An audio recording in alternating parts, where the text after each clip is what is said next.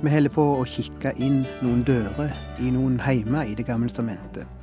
Vi har besøkt Abraham, og vi har besøkt Isak, og vi har besøkt Jakob. Og nå er vi kommet til fjerde generasjon, som er Josef. Vi er i Hebreerne 11, og vi skal i dag lese vers 20-23.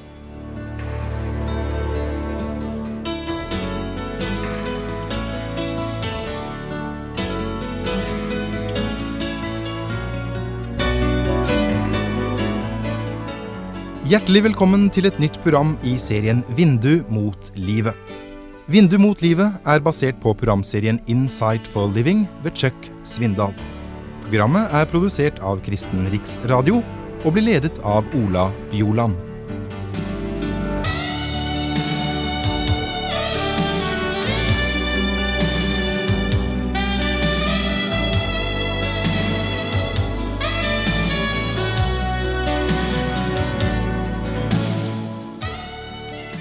Tro var det Isak velsignet Jakob og Esau med tanke på det som skulle komme. I tro velsignet Jakob da han skulle dø, begge sønnene til Josef. Så bøyde han seg i bønn over knappen på sin stav. I tro talte Josef da han lå på det siste, om israelittenes utgang av Egypt, og han ga påbud om hva de skulle gjøre med hans ben. I tro var det foreldrene til Moses gjemte gutten i tre måneder da han var født, for de så at det var et velskapt barn. De lot seg ikke skremme av kongens ordre. Nå er òg Josef blitt gammel, og vi har sett på de gamle og deres tru, og hvordan de overleverte, så å si si tru til sine barn og barnebarn. Abraham bygde trua inn i gutten sin Isak, som igjen velsigna sine sønner Esau og Jakob med den samme tru, og Jakob velsigna sin sønn Josef og sine barnebarn Efraim og Manasse, snakket til de om Gud Jehova, og om deres tippolde fra Abraham, som fikk løften ifra Gud om at hans folk skulle bli til en stor nasjon. I dag møter vi ikke en far som taler til sine barn, eller en bestefar som taler til sine barnebarn, men i dag møter vi en bror som taler til sine brødre. Og det er en tale som er båret oppe av samme tru som han hadde overtatt av sine foreldre og besteforeldre og oldeforeldre. Akkurat samme tru, samme håp og samme livsstil. Vi snakket om det sist gang, hvordan trua ofte går i arv, og hvor fundamentalt det er for barn å vokse opp i en heim med ei levende tru. De kan ikke få noen større gave og noen større ressurs å ta med seg ut i livet. Og det vi som foreldre planter i våre barn, vil gå videre fra generasjon til generasjon. Vær sikker. Jeg sier, jeg sier ikke at alle blir truende, personlig truende, men den tru de ble opplært i, vil komme til å prege de samme hva slags personlig livsstil de velger og den vil dukke opp igjen i seinere generasjoner. Det har vi så utallige eksempler på. Men her snakker altså den aldrende Josef til sine brødre. De er i Egypt, og han snakker med dem om den dagen de skal dra ut av Egypt, hva de skal gjøre da. Og det ligger fremdeles århundre fram i tida. Men i tru ser Josef dette for seg for han har fått høre det av sin far, at Israel skal få sitt eget land og bli til et stort folk. Josef har vært i Egypt siden han var tenåring. Nå er han 110 år gammel. Han er på mange måter egypter sjøl nå. Han har hatt høye posisjoner i dette landet, vært med og bygd det opp. Han har kjørt i flotte vogner og hatt masse tjenere, og folk til Folket bøyd seg for han og hylla han som helt. Da han kom kjørende med sine vogner og med sitt fylje, bøgde folk seg og ropte, Bøy dere ned, statsministeren kjem. Der er gullstatue overalt av denne store statsmannen. Han har en enorm posisjon og en enorm respekt i landet han er vokst opp i. Men Josef er først og fremst hebreer i sitt hjerte. Ingenting av det han har opplevd i Egypt, er klart å ta ifra han følelsene for sine røtter og sitt folk. Og nå ser han brødrene sine inn i øynene der de står rundt han, og de er nettopp begynt å venne seg til det egyptiske liv, for de har ikke vært der så lenge ennå. Og han sier til dem, jeg er opptatt av hva som skal skje når folket vårt skal dra ut ifra dette landet, og til det landet Gud har lovt dere. Og jeg er også opptatt av hva som skal skje med mine levninger. Ikke la de bli igjen her som en mumie i en stor katedral, eller som et monument på et offentlig torg. Sørg for å ta beina mine med dere til, ut av Egypt og til det nye landet. La oss lese det akkurat slik som det står. Vi finner det i første Mosebok 50, fra vers 22. La oss ta en titt inn i nøkkelhullet til Josef sitt hus og lytte til hans tale til brødrene sine. Først noen innledende bemerkninger. Josef ble boende i Egypt, både han og hans far Sett. Han ble 110 år gammel.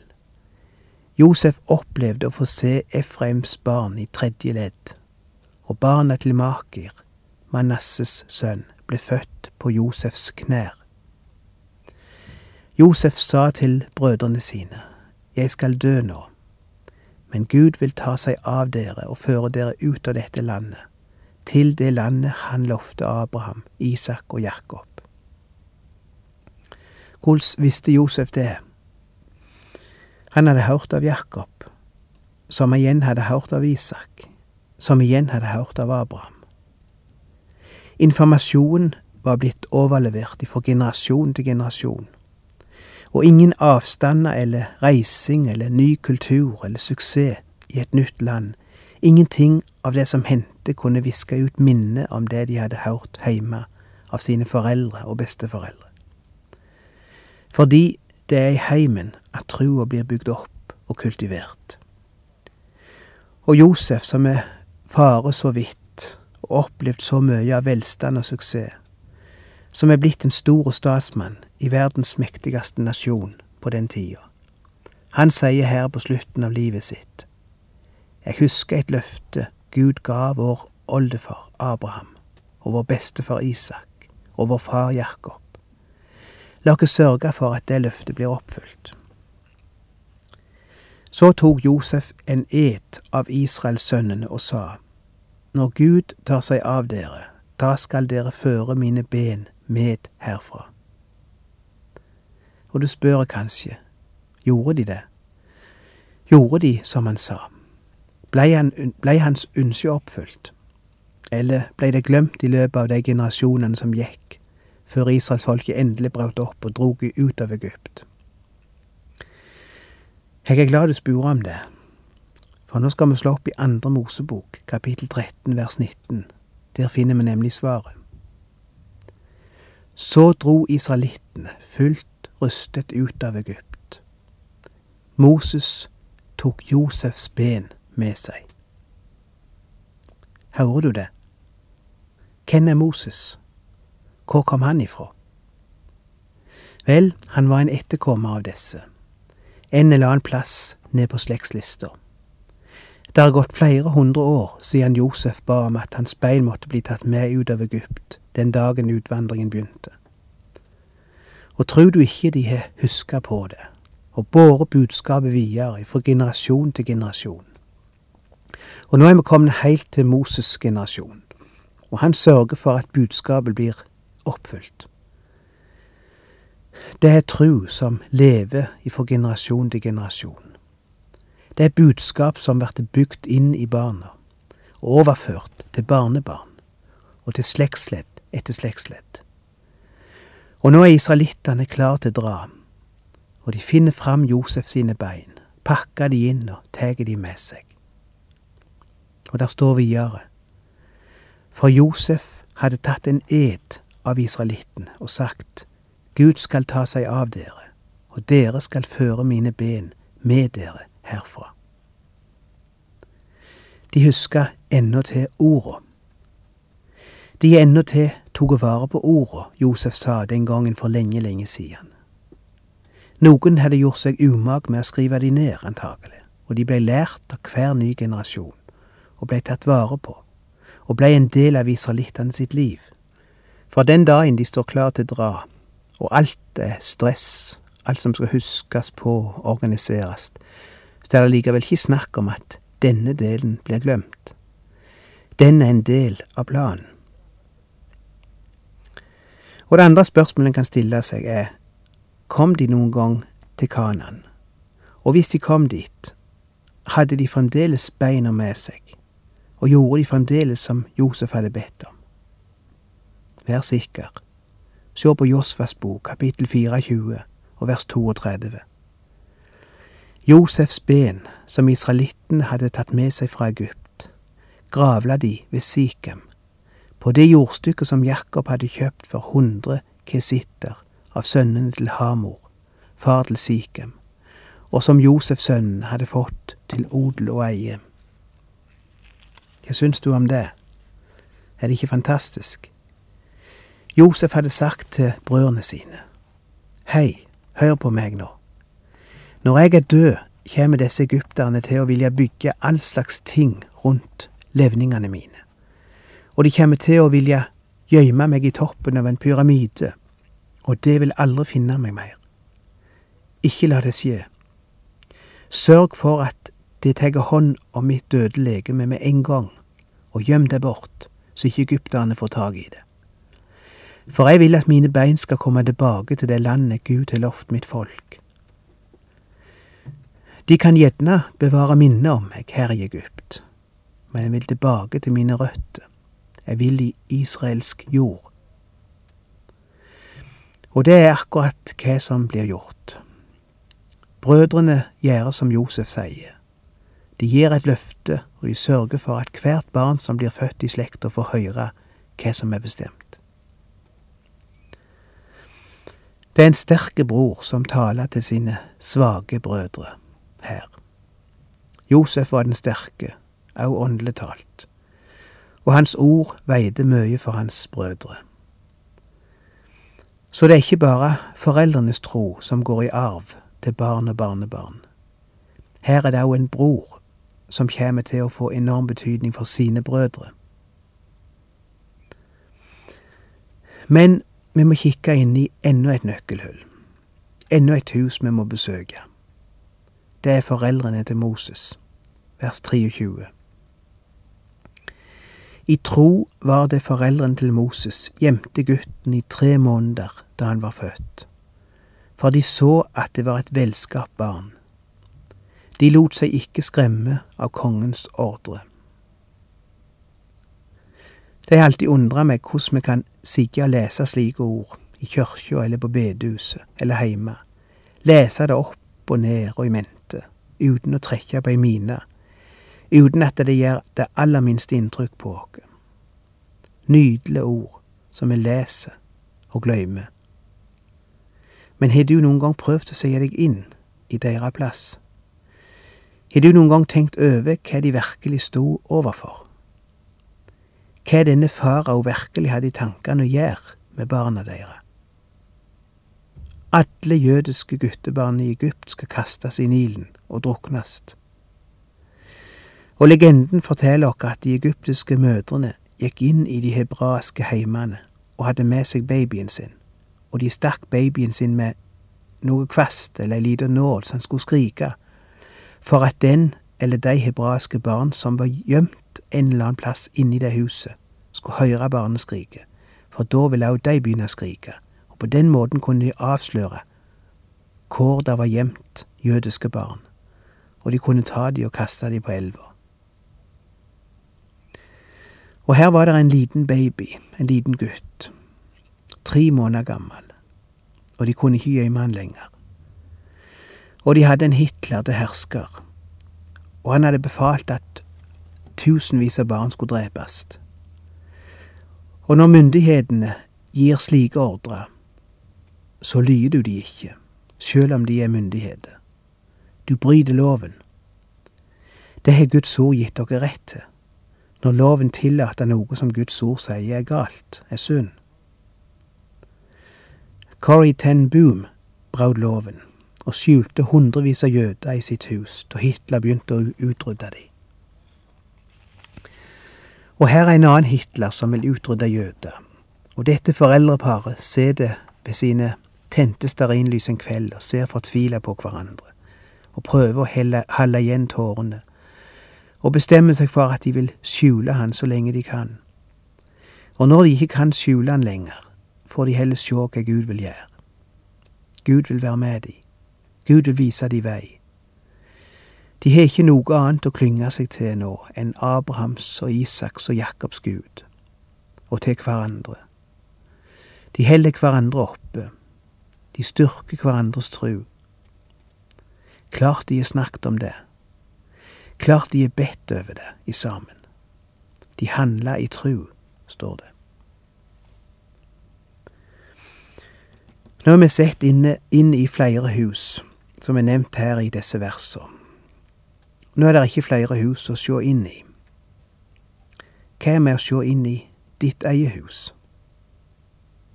Nei, det ville du kanskje ikke likt. Og vi skal ikke gjøre det heller. Du kan være glad for at Gud ikke lenger, lenger skriver bøker, ellers kunne han kanskje skrevet om ditt hus. Kanskje ditt hus ville vært på den lista. Hvordan er det forresten i det huset? Hvordan er det med trua i det huset? Er det ei hverdagstru, eller er det bare ei søndagstru? Er trua en del av livet, eller er det noe som lever sitt eget liv, bortifra livet, noe som tas fram hver søndag, bare? Prøv å tenke deg din heim, hvis du har noen. Prøv å tenke deg den som en skole en treningsplass. Ikke bare en plass der du putter mat i sultne ansikt tre ganger daglig. Det er ikke bare en plass der du reier opp senger og støvsuger teppet og rydder garasjer, gir bilnøkler til tenåringer og ber som gal at de må komme heilberga tilbake igjen. Det er ikke bare det som er innholdet i en heim. En heim er et forhold et forhold til hverandre. En heim er en plass der mennesket blir trent, utvikla, modna, får lære om livet og lære å tru. La bestemødre og bestefedre få være til stede i heimen så mye som mulig. Onkler og tante. La barna få røtter. Røtter som gjør at de har en tilhørighet. At de tilhører ei slekt og kanskje det er ei slekt som har sterke tru på Gud, som lever ut si tru i hverdagen. Det kan sette uutslettelige inntrykk i barna sitt sinn. For det andre, la livet i heimen bli preget av entusiasme for Gud, av spenning for hva Gud vil gjøre i dag. Ikke la livet bare bli å holde ut en dag til, og så en dag til i påvente av neste dag. Se på disse personene vi har studert litt nå. Abraham, Isak, Jakob, Josef, Moses sine foreldre. De levde. Hver dag blei levd, i spenning på hva Gud skulle gjøre den dagen. Og ikke glem å innvie barna òg i ting som er smertefullt. Ikke hold de utenfor alltid. Jeg vet at ikke alt skal sies til barn, men de merker spenninga, og de merker stemningen. De merker at det er noe som er vanskelig, og av og til skal du la barnet få være med i sorgen og i smerten.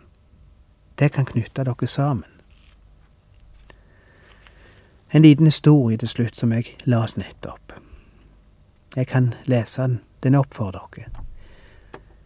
Etter bare fire timer med sykdom døde Becky Fremont, og etterlot seg sin mann Adam og sin vesle datter Carrie, knust i sorg og fortvilelse da begravelsen var over. Og noen av vennene hans prøvde å få ham fra å gå hjem igjen etter begravelsen. Du kan ikke gå hjem nå. Ta Carrie med deg og bo hos oss en stund, til du er klar til å gå hjem igjen. Men Adam avslo tilbudet og sa, Jeg må kjempe meg gjennom det på samme plass, i samme rom, for jeg mistet henne. Jeg må tilbake til der det skjedde, og ta kampen der. Så gikk han hjem sammen med sin vesle datter. Han flyttet Carries seng inn på sitt rom, plasserte den like ved siden av sin seng. Og de to la seg til slutt for å prøve å sove. Det var en overskyet, stjerneløs kveld, så mørk og svart som deres sorg var.